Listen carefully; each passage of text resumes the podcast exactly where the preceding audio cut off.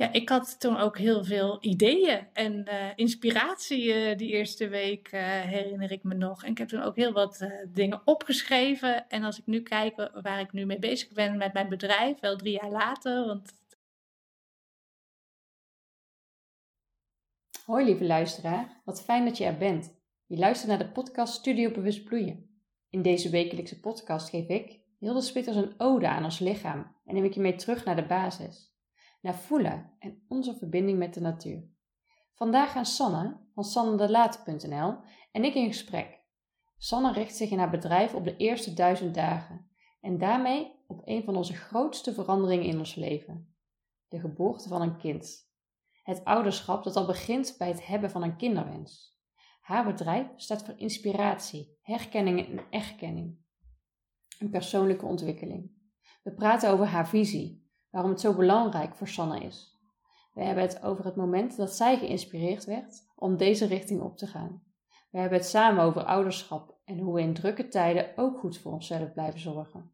Hoe we onze dagen en weken inrichten om voldoende ruimte te ervaren voor iedereen in het gezin.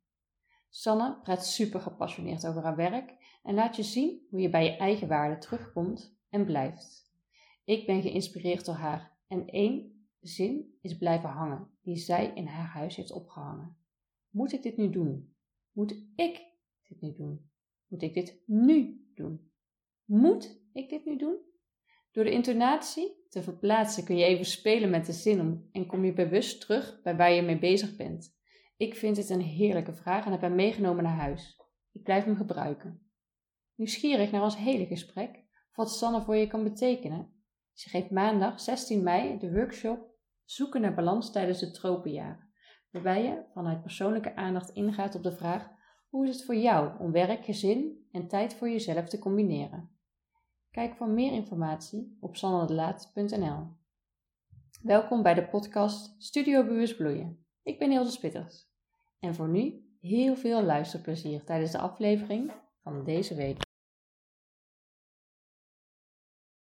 Hoi lieve luisteraar, wat fijn dat je weer bent. Vandaag zit ik samen met Sanne de Laat.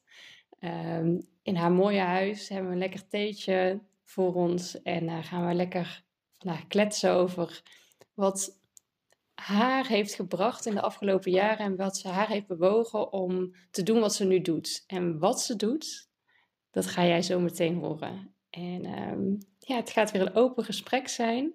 En ga er lekker voor zitten. En ja, laat je meenemen door uh, ons gesprek. En Sanne, superleuk dat je hier uh, bent. Of dat ik hier mag zijn, moet ik eigenlijk zeggen. En dat je met mij wilt kletsen. En um, ja, we kennen elkaar al vanaf de universiteit. We hebben samengewerkt, um, allebei promotieonderzoek gedaan. Uh, bij de Universiteit van Tilburg. En sindsdien hebben wij elkaar een beetje gevolgd van wat, je, wat jij doet uh, en wat ik doe. En sommige dingen komen best wel overeen.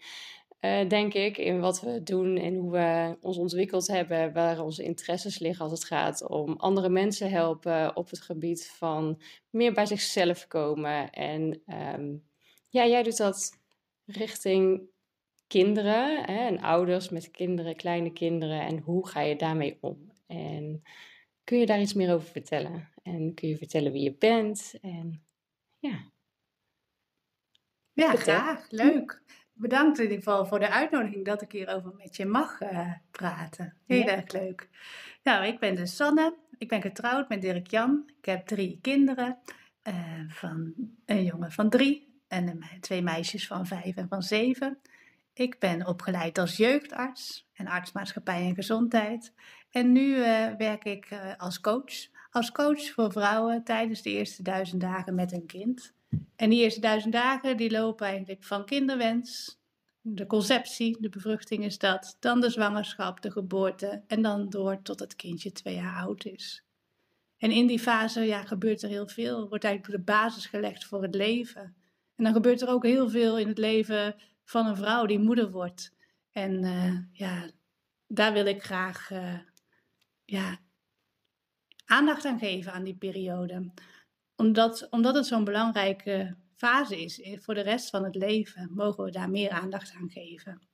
En kun je iets meer vertellen? Want ik zie aan jou dat je het echt heel belangrijk vind. En ik voel het aan alles. En wat maakt nu dat dat, dat zo belangrijk is? Waar, zitten die, waar zit die basis in? Wat is voor jou die basis die daar gelegd kan worden en die, ja, die nu nog onderbelicht is? Dat voel ik ook. Ik voel aan jou dat er een onderbelichting in zit van kom, we mogen hier meer aandacht aan besteden. Ja, in onze huidige maatschappij, in ons huidige leven is het vaak zo druk. en Dat gaat heel hard door. Ook in die fase van uh, kinderen krijgen, zwanger worden. En ook zelf uh, heb ik mijn kinderen gekregen tijdens mijn onderzoek. En uh, dacht ik bij de derde, nou, ik neem een maand extra verlof. Dat vond ik echt al heel wat. Dat ik dat durfde vragen. en durfde vragen.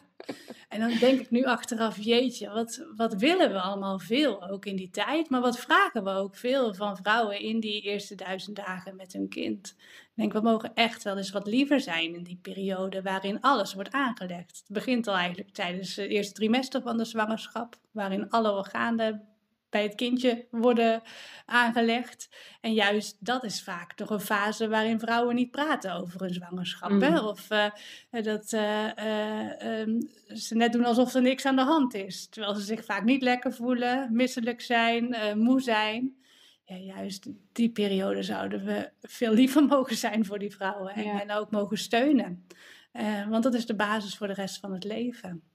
En uh, ook daarna nog in die maanden verder van de zwangerschap. Hè, van de, uh, we vragen veel van onszelf. We hebben hoge verwachtingen van onszelf als, uh, als, als vrouwen. Maar ook de maatschappij vraagt dat. Hè. Ons verlof in Nederland is eigenlijk zo kort als je dat vergelijkt met bijvoorbeeld de Scandinavische landen. Mm.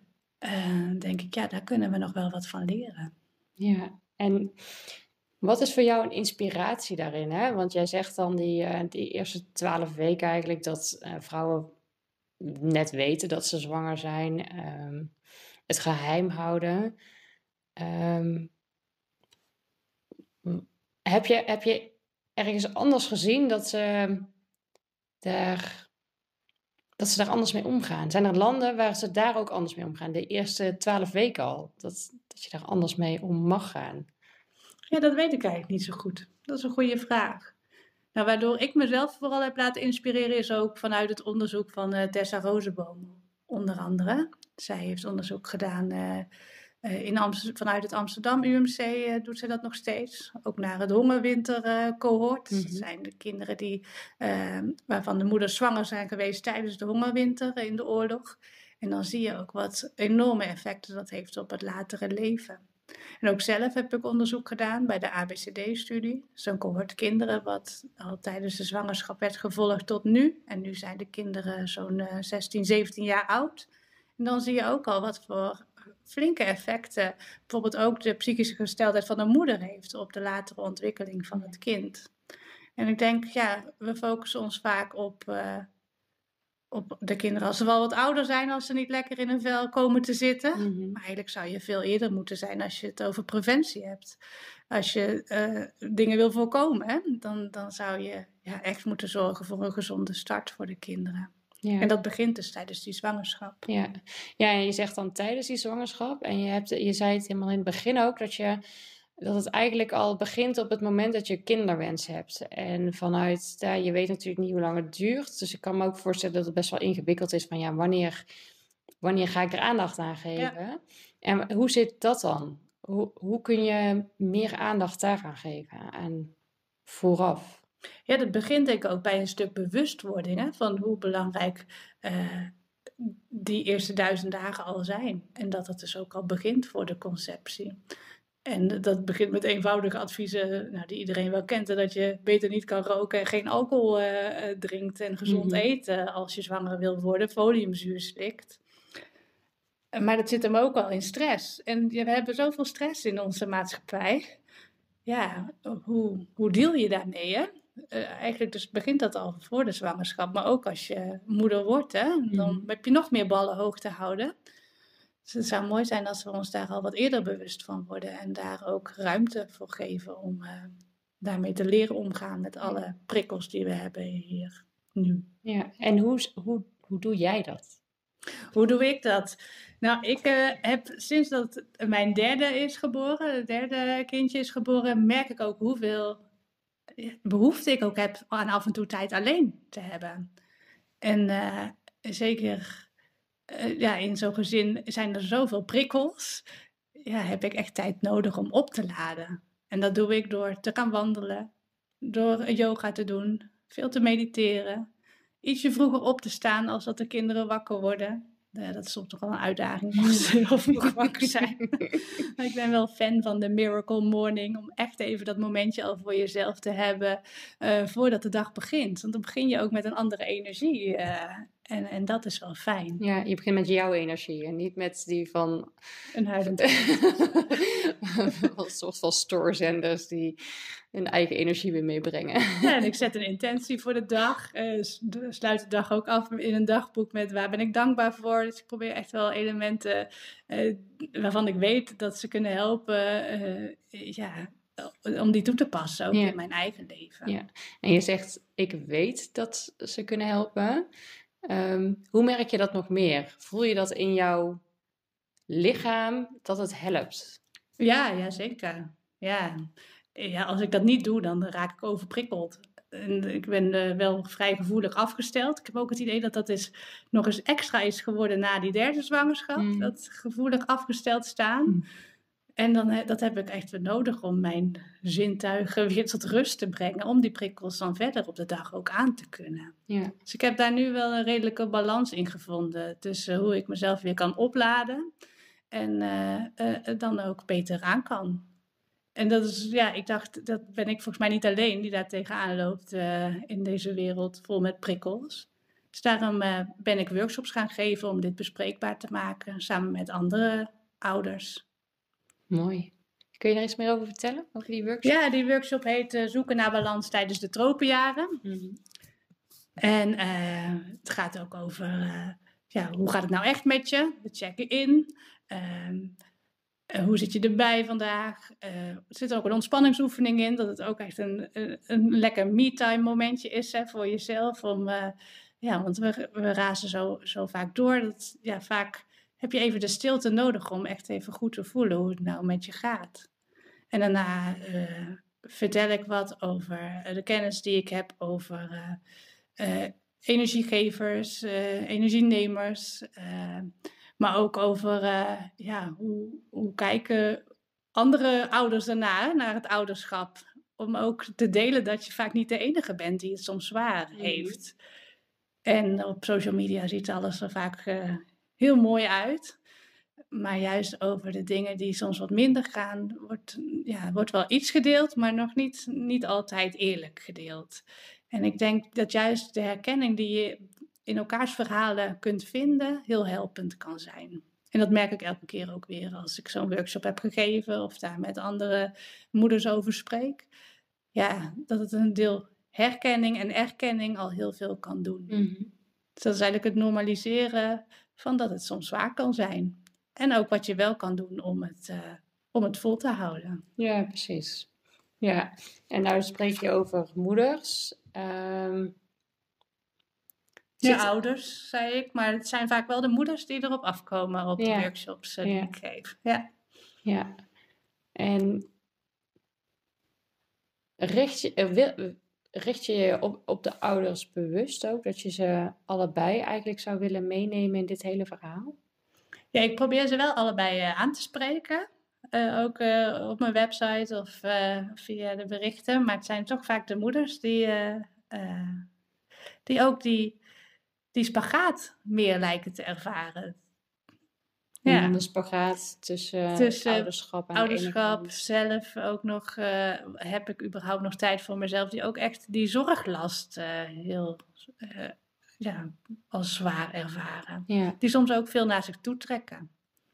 Ja, precies. Dus ja. er is ook een soort van gewoonte daarin misschien. Van, ja. Uh, oh ja, dan doe ik dat nog wel erbij. Ja, dus we hebben het ook in de workshop over taakverdeling. Hè? Van wie doet nu eigenlijk wat? En moet je dat echt allemaal zelf doen? Wil je je houden? Of zou je ook nog dingen uit kunnen besteden? Hoe vraag je hulp? Wie zou je om hulp kunnen vragen? Ja.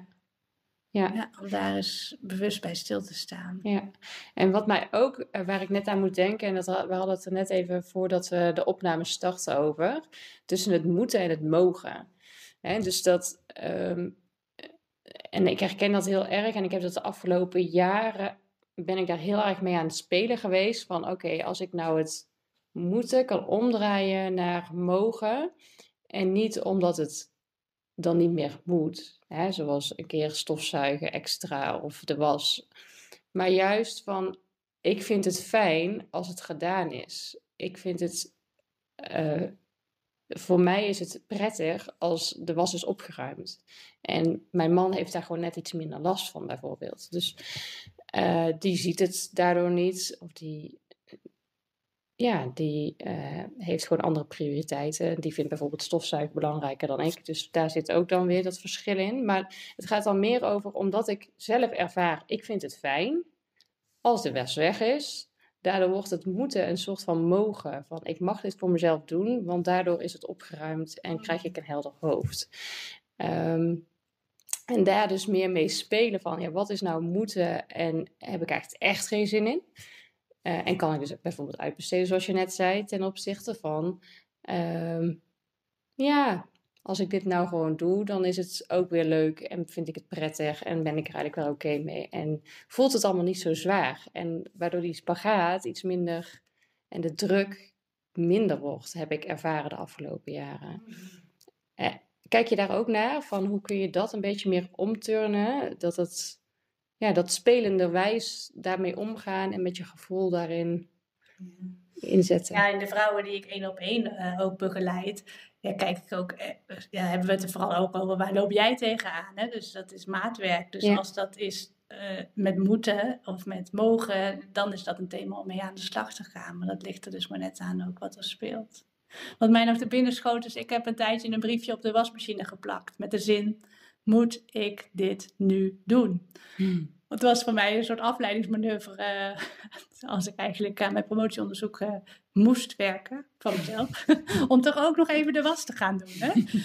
en uh, ja, moet dat dan eigenlijk? Nee, helemaal niet. Het kan ook al op een ander moment. Hè? En dat is ook met veel andere taken. Van ja. De, ja, moet dat nu echt nu? Ja, eigenlijk kun je op elk onderdeel van die zin de nadruk leggen. Wat moet ik het doen? Of zou iemand anders het ook kunnen doen? Nou, mijn moeder, uh, die woont hier vlakbij uh, bij ons huis, wat heel erg uh, fijn is. Zij passen ook regelmatig op onze kinderen, maar zij vouwt ook onze was op. Want zij vindt dat eigenlijk best leuk om te doen. Nou, ik niet. Dus zo helpt zij daar ons heel erg mee. ja, en uh, ja, dus moet, moet het überhaupt? Moet ik het doen? Uh, moet het nu? Of kan het ook op een later moment? En ja. uh, moet je het doen? Of ja, kan je het ook laten? Ja, precies. Want strijken doe ik bijvoorbeeld niet.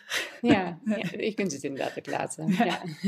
Bij ons stapelt het op en dan zegt mijn moeder... Zal ik het weer even doen? Ah, is lekker. Dank je. Ja, ja, dus dat ken ik. Want ik moet wel lachen om die zin. Wil je nog een keer herhalen?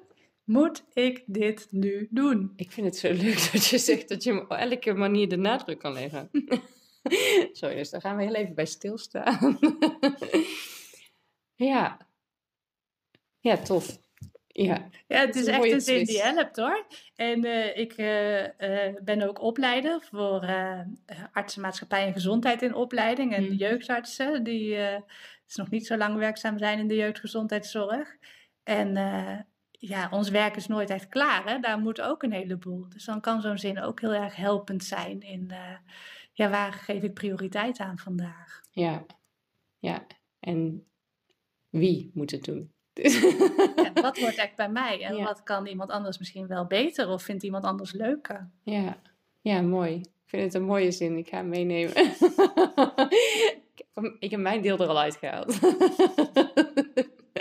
ja, tof hey, en um, ik wil toch nog even terug naar die, uh, naar die duizend dagen. Want daar, hadden we het, uh, daar begonnen we natuurlijk mee. En um, toch nog een stukje terug naar dat voor de conceptie. Voor, dus je hebt een, je hebt een beeld. Of, en, uh, ja. ja. Ja, je hebt een, een, het beeld van ik wil graag moeder worden. Maar hoe doe ik dat dan? Wat kan daarin helpen? Um, ja, hoe zie jij dat? Van die eerste duizend dagen dan, dat echt het eerste deel, wat helpt dan om daarin, uh, nou ja, je kinderwens uit te spreken, jezelf echt als lichaam letterlijk klaar te maken om überhaupt zwanger te kunnen worden. Um, ja, hoe zie jij dat? Ja, deels gebeurt dat denk ik bewust, maar ook een groot deel onbewust. Uh, het zit niet allemaal, denk ik, dat je dat, uh, net zoals dat je een kinderkamer gaat inrichten, dat je uh, dat allemaal heel bewust kan kopen of zo. Hè? Dat zit er heel erg ook in, in ja, hoe het met jou gaat op dat moment. En ook of je je echt klaar voelt om ook zo'n kindje te laten groeien in je lijf. En ja, dat is ook wel een precair onderwerp, hè? want wat als het niet lukt om zwanger te worden? Hè? Mhm. Zitten er dan ook misschien wel uh, emotionele blokkades in de weg of uh, patronen van de, nog hoe het bij jouw moeder is gegaan, of misschien zelfs daarvoor? Hè? Ja, dat kan allemaal wel meespelen, denk ik. Ja. Maar dat is ook wel iets, ja, vind ik ook wel iets om. Het is moeilijk om zo zwart-wit iets over te zeggen. Het is denk ik niet zo zwart-wit. Nee, maar wat ik je wel hoor zeggen is dat we daar bewuster van mogen zijn dat het hele proces bijdraagt aan opgroeien. Mm -hmm. En aan uh, ja, daar terug naar, naar teruggaan van hoe sta je daar zelf in? Wat is voor jou wat is voor jou belangrijk? Welke wens heb je? En dan heeft het nog niet, eh, wel of niet dat het lukt, maar wel, ja, waar sta ik eigenlijk? En doe ik dit omdat de maatschappij iets van me vraagt? En wil ik daarom, of mijn vrienden om me heen, en blijkbaar moet ik dit ook? Ja, dus dan komt dat stukje moeten ook wel weer een stuk terug. Of is dit echt een hele grote wens bij jezelf? En uh, wat mag ik daarvoor doen voordat ik überhaupt zwanger word? En um, dat stukje bewustwording daarin, zonder dat je precies zegt wat je moet doen of hoe je dat doet, maar wel dat het allemaal niet zomaar gegeven is, daarin meer bewust in zijn, dat stukje ja, lijkt, klinkt voor mij zo mooi daarin. Ja, ik zie het ook wel als een soort reis van persoonlijke ontwikkeling hoor, richting het moeder worden en het moeder zijn. Hè. Je, je komt jezelf ook best wel tegen eh, in die periode van zwanger willen worden en zwanger zijn en daarna. En uh, uh, ja, zijn oude patronen die, die, die terugkomen of die extra duidelijk worden van jezelf, maar ook in, in het, hoe het in jouw gezin is gegaan, in het gezin van je partner is gegaan, hè, uh, als je die hebt. En uh, dingen die je daarvoor wellicht niet zo had uitgesproken naar elkaar, die worden dan opeens heel duidelijk. Hè? Van, oh, jij bent veel strenger dan ik. Of jij, uh, jij bent gewend dat jouw ouders het altijd zo deden. Nou, bij ons ging dat altijd zo. Ja, daar kun je het ook eigenlijk al tijdens de zwangerschap, of wellicht ook al daarvoor, met elkaar over hebben. Van hoe zou jij dat dan uh, graag samen doen? Of hoe zie je dat dan voor je? Ja, ja dat het ook iets samen wordt. Ja. ja. ja. ja. En dat is ook, de, nou, je, nou we het daarover hebben, hoe zie jij dat dan als het gaat over um, ja, de zwangerschap zelf? Want dat ligt ook een groot deel hè, bij de vrouw, daar kun je niet omheen.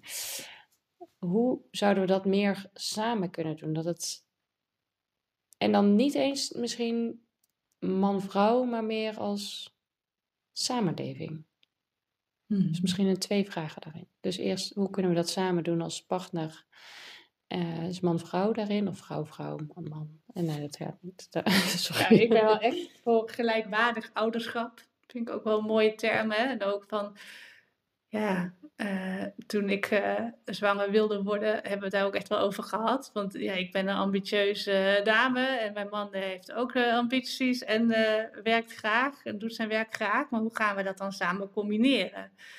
Dus dat gesprek aangaan uh, is denk ik ook al wel heel belangrijk uh, daarin. En dat vraagt ook wel wat van werkgevers. Hè? Van de, ja, nu is er meer verlof ook voor mannen wel gekomen. Mhm. Gelukkig, eindelijk, denk ik dan. Hè? Zodat zij ook meer die rol kunnen pakken als die baby net geboren is. Maar het begint ook al wel tijdens de zwangerschap. Dus ga je samen een cursus doen. Hè? Bijvoorbeeld, uh, er zijn genoeg mooie cursussen die je ook samen kunt doen. Ja, daarin betrek je die partner dan ook al mee. En uh, ja. ja die, een vader voelt dan wel niet zijn buik groeien, maar het is wel mooi als hij helemaal mee kan in dat proces van het kindje wat, uh, wat, wat groeit en groter wordt in die buik van de moeder totdat het dan geboren wordt.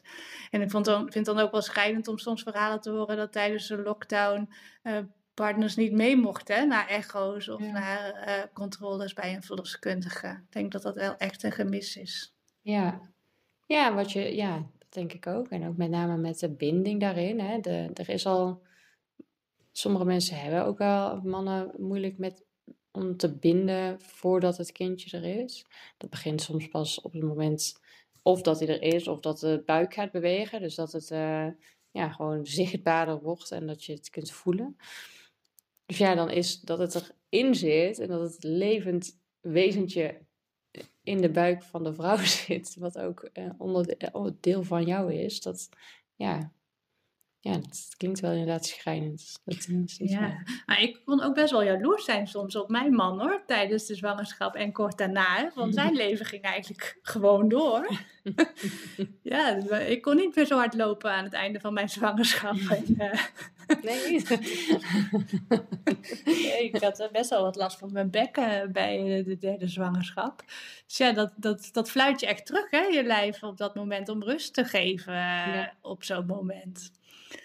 Ja, en dan, dat, is, dat is dan ja, best lastig in zo'n uh, in een, in een wereld die maar doordraait. Ja. ja, dat is inderdaad ook iets wat je al zei, hè? want de, de wereld draait door. En die raast maar door. En dan, en dan denk je ergens, oké, eh, ik wil graag uh, moeder worden. En maar ja, je hebt geen idee hoe dat dan weer werkt. Dus dat komt er dan ook bij, een extra bal. En de wereld gaat maar door. En je hebt inderdaad die ambities ook nog. Um, uh, of andere ideeën die je nog wil uitwerken. Of wat dan ook, wat het dan ook is. En um, ja, dat de wereld door blijft draaien terwijl je zelf ergens anders staat. Dat, dat enorme contrast, dat herken ik ook wel wat je zegt daarin. Dat, dat je dan denkt, um, hoe gaat het eigenlijk? maar het mooie, wat ik daar ook wel mooi aan vind, is omdat je als vrouw dus even terug kan hangen. Wat niet altijd fijn is, maar je ziet daardoor wel, wat zijn we nou eigenlijk aan het doen? Wat natuurlijk corona in de lockdown ook heeft gebracht. Die heeft er ook meer rust in gebracht. Er zijn superveel vervelende verhalen en alles. Hè? Dus de ziekte aan, aan zich is, uh, is heel heftig. Maar er zitten ook wel hele mooie dingen in. Dat je inderdaad terug kan gaan hangen. En dat kan ook in, in die zwangerschap. Dat heb ik zelf ook ervaren, met name bij bij de laatste, dat ik dacht, ah ja, bij Vaas kon ik veel beter kijken naar wat er eigenlijk gebeurde. En wat ik fijn vond en wat ik niet fijn vond. En hoe ik dingen wilde aanpakken. Samen. Dus dan, ja. Dus dat en je hoorde het ook wel terug dat doordat er uh, meer thuisgewerkt werd uh, uh, tijdens de lockdown, dus dat vrouwen ook langer borstvoeding konden blijven geven. Ja. Want het vraagt ook nogal wat om op je werk te kolven en ja, om dat vol te houden. Ja. Want dat kost veel energie. Ja. Ja, en ja, ik moet daar ook wel een beetje om lachen. Want ik moet heel erg denken aan mijn eigen uh, afgelopen periode. Ik gaf borstvoeding en ik heb elke keer dacht ik weer, hoe deed ik dit bij de meiden? Want daar, daar kolfde ik op mijn werk. Ik heb bij allebei zes maanden borstvoeding gegeven. Ik was bij Eve ging ik ook nog uh, naar Milaan, geloof ik. In ieder geval, in Roemenië ben ik ook nog geweest in die periode dat ik borstvoeding gaf. Toen dacht ik, hoe deed ik dat? Want bij Vaas dacht ik echt, dit kan niet. Hmm. Dus dat is dan ook zo, dat je, dat, daar zie je ook weer van, ah ja, het is best wel ingewikkeld en je doet het maar, want je wilt het allemaal weer gewoon meedraaien. Maar moet dat zo? Kan het niet anders? Ja. ja. En wat is goed voor jou en wat is goed voor mij? En hè, dat, ja, dat is voor iedereen weer anders. Ja. Dus ja. Nou ja, over die terugkeer naar werk, na werk, naar werk, ja, na het verlof. Ja, eh, hoe doe je dat dan? Hè? Ook weer starten. Ja, ik denk ook dat het fijn is als je een soort van opstartperiode zou kunnen hebben. Dat, stel dat je gewend was vier dagen te werken. Ja, moet je dan meteen na de geboorte, na drie maanden weer vier dagen aan het werken? Of zou je dat ook rustig aan kunnen opbouwen? Nou, alleen al dat dat een optie is, bespreekbaar maken met je werkgever zou wel mooi zijn. Hè? Ja. Ja, dat is ook een mooie cursus, die heet De Zachte Landing. Door Mom Inc. eh, eh, wordt die gegeven. Er zijn twee hele leuke dames in Rotterdam die zich richten op eh, meer gezinsvriendelijk werkgeverschap ook. Denk ik, ja, dat zijn mooie cursussen. Die zouden we meer mogen aanbieden, ook vanuit werkgevers, om, om vrouwen en werkgevers bewust te maken van het is eh, best wel eh, belangrijk dat je de tijd neemt voor jezelf en ook dan zorgt voor minder uitval uiteindelijk. Hè? Want Ja. veel vrouwen die twijfelen eh, als ze terugkeren naar werk van oh, vind ik dit nog wel een leuk, leuke baan? En je ziet ook dat een groot deel ook uitvalt, kort nadat ze weer zijn begonnen zijn na het verlof. Hmm. Ja, en dat wordt niet veel gezegd. dus ook weer zo'n onbekend stukje. Ja.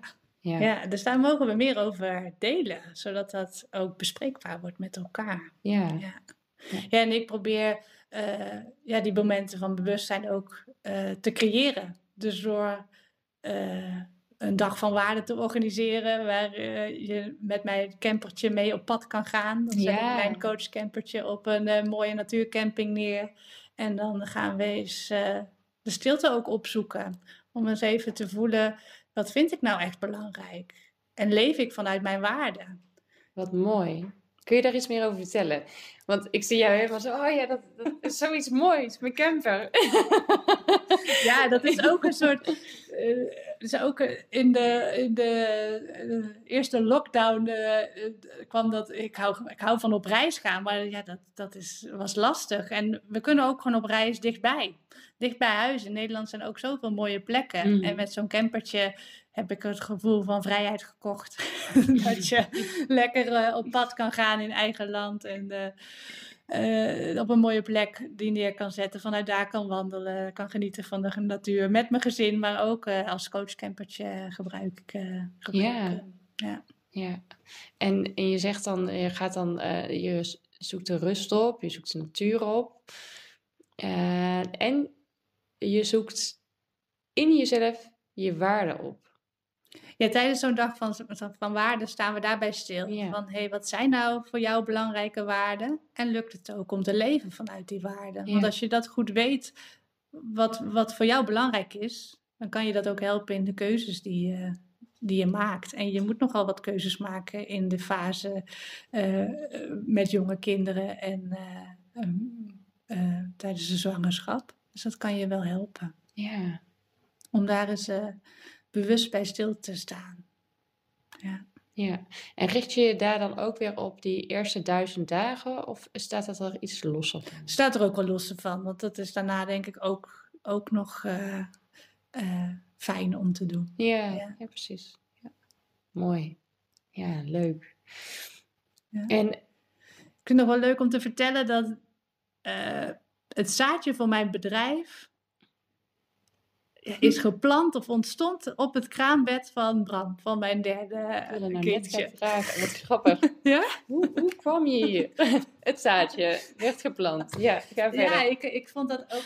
Dat is zo'n pure en rauwe periode. Als je net na zo'n bevalling. Ja, ik, ik vind bevallen eh, eh, ja, ook echt iets wat, vanuit, wat, wat bij mij vanuit oerkracht ging. Zeker de laatste twee bevallingen. Wat ik, ja, die ervaring gun ik elke vrouw om, om, om, eh, om zo'n geboorte te geven.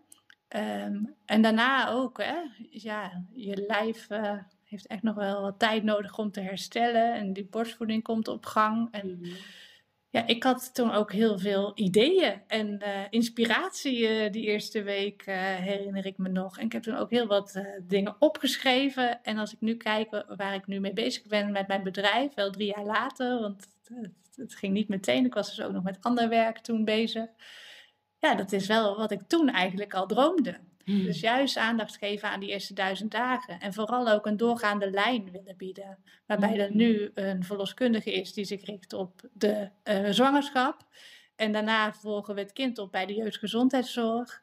Denk ik, ja, het zou mooi zijn als er iets of iemand of een programma of iets is met een doorgaande lijn. Eh, dus die die vrouwen al, en eigenlijk ouders en het gezin, die eerste duizend dagen kan opvolgen als steun in de rug. Mhm. Ja, wat mooi. Ja. Dat je dat op die manier kunt zien. Ik wil even terug naar jouw zaadje wat geplant werd. En wat ik jou hoor zeggen is dat je ook heel open bent. Je bent, uh, die bevalling is heel rauw, hè? Dat, dat, ja, dat is, dat is zo'n natuurlijk proces, heel oer. En wat ik je ook daarin hoor zeggen is dat het zo, dat je zo open staat. Je bent zo niet, je, je bent zo meer één met jezelf geworden. Want je moest wel, want jouw lichaam uh, moest dat kind eruit persen. Ja, dat doe je niet met je hoofd, hè? Nee. Dat doe je echt vanuit je lijf. Heel je lichaam heb je daarvoor nodig. Ja. En het is ook een stuk loslaten en vertrouwen. En daar kun je ook wel zelf wat in doen uh, in de voorbereiding daar naartoe. Ja, ja. maar dus daarna, daarna ook. Want ik herken het namelijk heel erg wat je zegt. Dat er uh, niet dat er bij mij daarna een zaadje is. dat, dat, maar wel dat ik me heel erg veel meer verbonden voelde met mezelf even. Dat was echt, en dat sloot daarna, is, het is nu ook alweer een beetje meer gesloten. Ik kan er wel weer naar terug, maar het is dan niet zo dat hele open gevoel wat ik toen had. Dat ik dacht, oh ja, er zit zoveel inspiratie in je en zoveel creativiteit en zoveel energie van nieuwe dingen die kunnen. Omdat er ook nieuwe, nieuw leven, je hebt letterlijk nieuw leven neergezet en daar zit ook heel veel nieuwe energie bij die weer ja, verspreid mag worden. En die hoor ik bij jou ook. Doordat je dat ervaarde op zo'n andere manier, dat, dat je nou het werk doet wat je toen al van droomde. Dat, ja, dat is toch prachtig eigenlijk. Dat je mm. die. Ja, ik heb ook het gevoel gehad van. Ja, uh, dit komt van binnenuit of zo. Hè? Mm. Dit is niet iets wat ik moet. Maar ergens moet ik het ook wel, want het voelt alsof ik dit moet doen. Ja, dit hoor ik te doen. Dit, dit, is, dit is jij. dit is wat ik wil doen. Ja. Waar ik blij van word, wat ik belangrijk vind. En dat kan ik ook nog eens onderbouwen vanuit wetenschappelijk onderzoek. Ja, dat is dus het is echt een combinatie van zowel uh, hoofd, hart en buik. Ja, ja. ja mooi. Ja, en je, je zei net al van uh, dat je ja, dat je dan een aantal dingen voor je ziet. Hè, hoe het zou kunnen. Het zou met het programma kunnen, het zou met een persoon kunnen. Ehm, maar waar mag het van jou echt naartoe? Dat dadelijk, wat, zou, wat is jouw droomwens dat er dadelijk gebeurt? Jij als coach daarin? Of uh, ja. Ja, ik zie dat uh, één op één uh, kan ik daar iets in betekenen. Dus uh, gericht op het individu. Maar ik zie het ook wel als een soort beweging zou ik graag op gang willen brengen. Dat we met alle professionals die werkzaam zijn in die geboortezorg die bredere blik gaan krijgen. Waar, waarin we verder kijken dan ons eigen stukje. Want het stopt dus niet als die baby zes weken is en je hebt die vrouw voor de nakontrole gezien bij de verloskundige. Maar het gaat door. Dus dat we allemaal zien dat het een doorgaande lijn is. Mm. Ja, en wat heb jij daarvoor nodig? Uh, een eh, goed netwerk heb ik daarvoor nodig met andere professionals, daarover kunnen sparren. Nou, dat doe ik ook wel graag. En uh, dat, is, dat, is, ook fijn om, om met anderen te delen. En ik merk ook wel dat er ook wel meer mensen de gelijkgestemde eh, daarin zijn eh, met wie we samen kunnen mhm. werken. En eh, dat samen dat geluid nog meer kunnen verspreiden. Dat we echt meer aandacht mogen geven aan die eerste duizend dagen. En liever mogen zijn voor vrouwen in die periode in hun leven. Ja, en daar wil ik ook nog heel even naartoe. Wat is voor jou liever zijn voor vrouwen? Wat betekent dat voor jou? Ja, liever voor onszelf is dat denk ik ook. Hè? Van de, dat we onszelf ook wel wat rust en tijd mogen geven. Want de verwachtingen zijn vaak zo hoog. Ook van mezelf hoor. Ik heb zelf ook flink hoge verwachtingen van mezelf. en ook wel wat voor voorbeeld wil ik, daar, wil ik daarin ook zijn naar mijn eigen kinderen. En uh, um, ja, hoe kunnen we liever zijn voor elkaar? En nou ook om dit te benoemen. Uh, uh, dat, dat het lastig kan zijn om al die ballen hoog te houden. En dat het dus ook niet gek is dat veel vrouwen, of mannen ook, burn-out klachten ervaren. Uh, uitvallen op hun werk. Wat ik net al zei, nadat ze, ze kort nadat ze zijn begonnen weer met werken. Ja, en dat we niet ook moeten door blijven buffelen tijdens de zwangerschap, omdat dat nou eenmaal zo hoort. Maar dat we echt de tijd mogen geven om nieuw leven een gezonde start te geven. Mm. Dus daar, ja, daar wil ik wel graag aan bijdragen. Aan een gezonde en ontspannen start. Ja. Ja. Ja, en wat je daar ook in zei natuurlijk helemaal in het begin, wat me daaraan doet denken is die cohorte vanuit dat onderzoek, waarin je dus ziet dat als er stress is, hè, vanuit, uh, omdat er te weinig eten is, vanuit hongersnood, of omdat er psychische klachten zijn, ehm, al in de, in de lijn van de generaties, dat dat ook wordt meegenomen ehm, in de volgende generatie. Ja. En dat het daardoor altijd belangrijk is, dus in die duizend dagen, om daar vooraf, tijdens de zwangerschap en daarna aandacht aan te geven. Om die, ja, die gezonde start te maken. Ja, alleen zo kunnen we bouwen aan gezondheid voor de toekomst. Ja, ja, mooi. Ja. Hm, doet mooi werk. Hm. Ja, ja, en ja, je kan veel geld stoppen in uh, nog betere behandelingen voor chronische ziektes op latere leeftijd. Maar het heeft veel meer effect om te investeren in die eerste duizend dagen, om die ziekte te voorkomen. Ja. Hm. Hey, en is er nog iets wat je nog meer zou willen vertellen?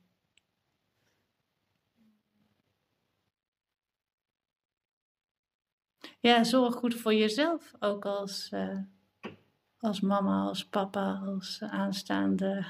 Misschien. En voor iedereen ook al heb je geen kinderen. Want alleen dan kun je ook goed voor anderen zorgen. Ja, en wat, eh, hoe start je daarmee? Hoe start je daarmee?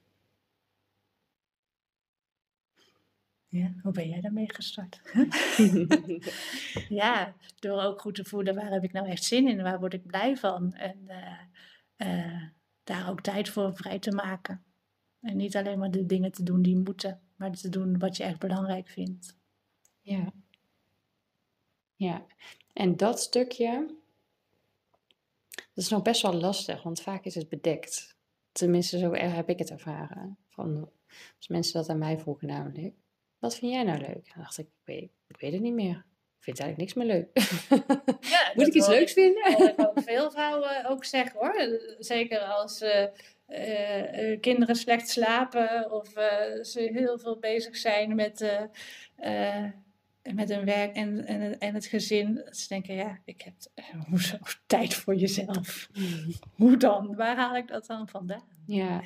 ja. Dat je gewoon niet meer weet wat je eigenlijk zelf leuk vindt. Ja. ja, dat.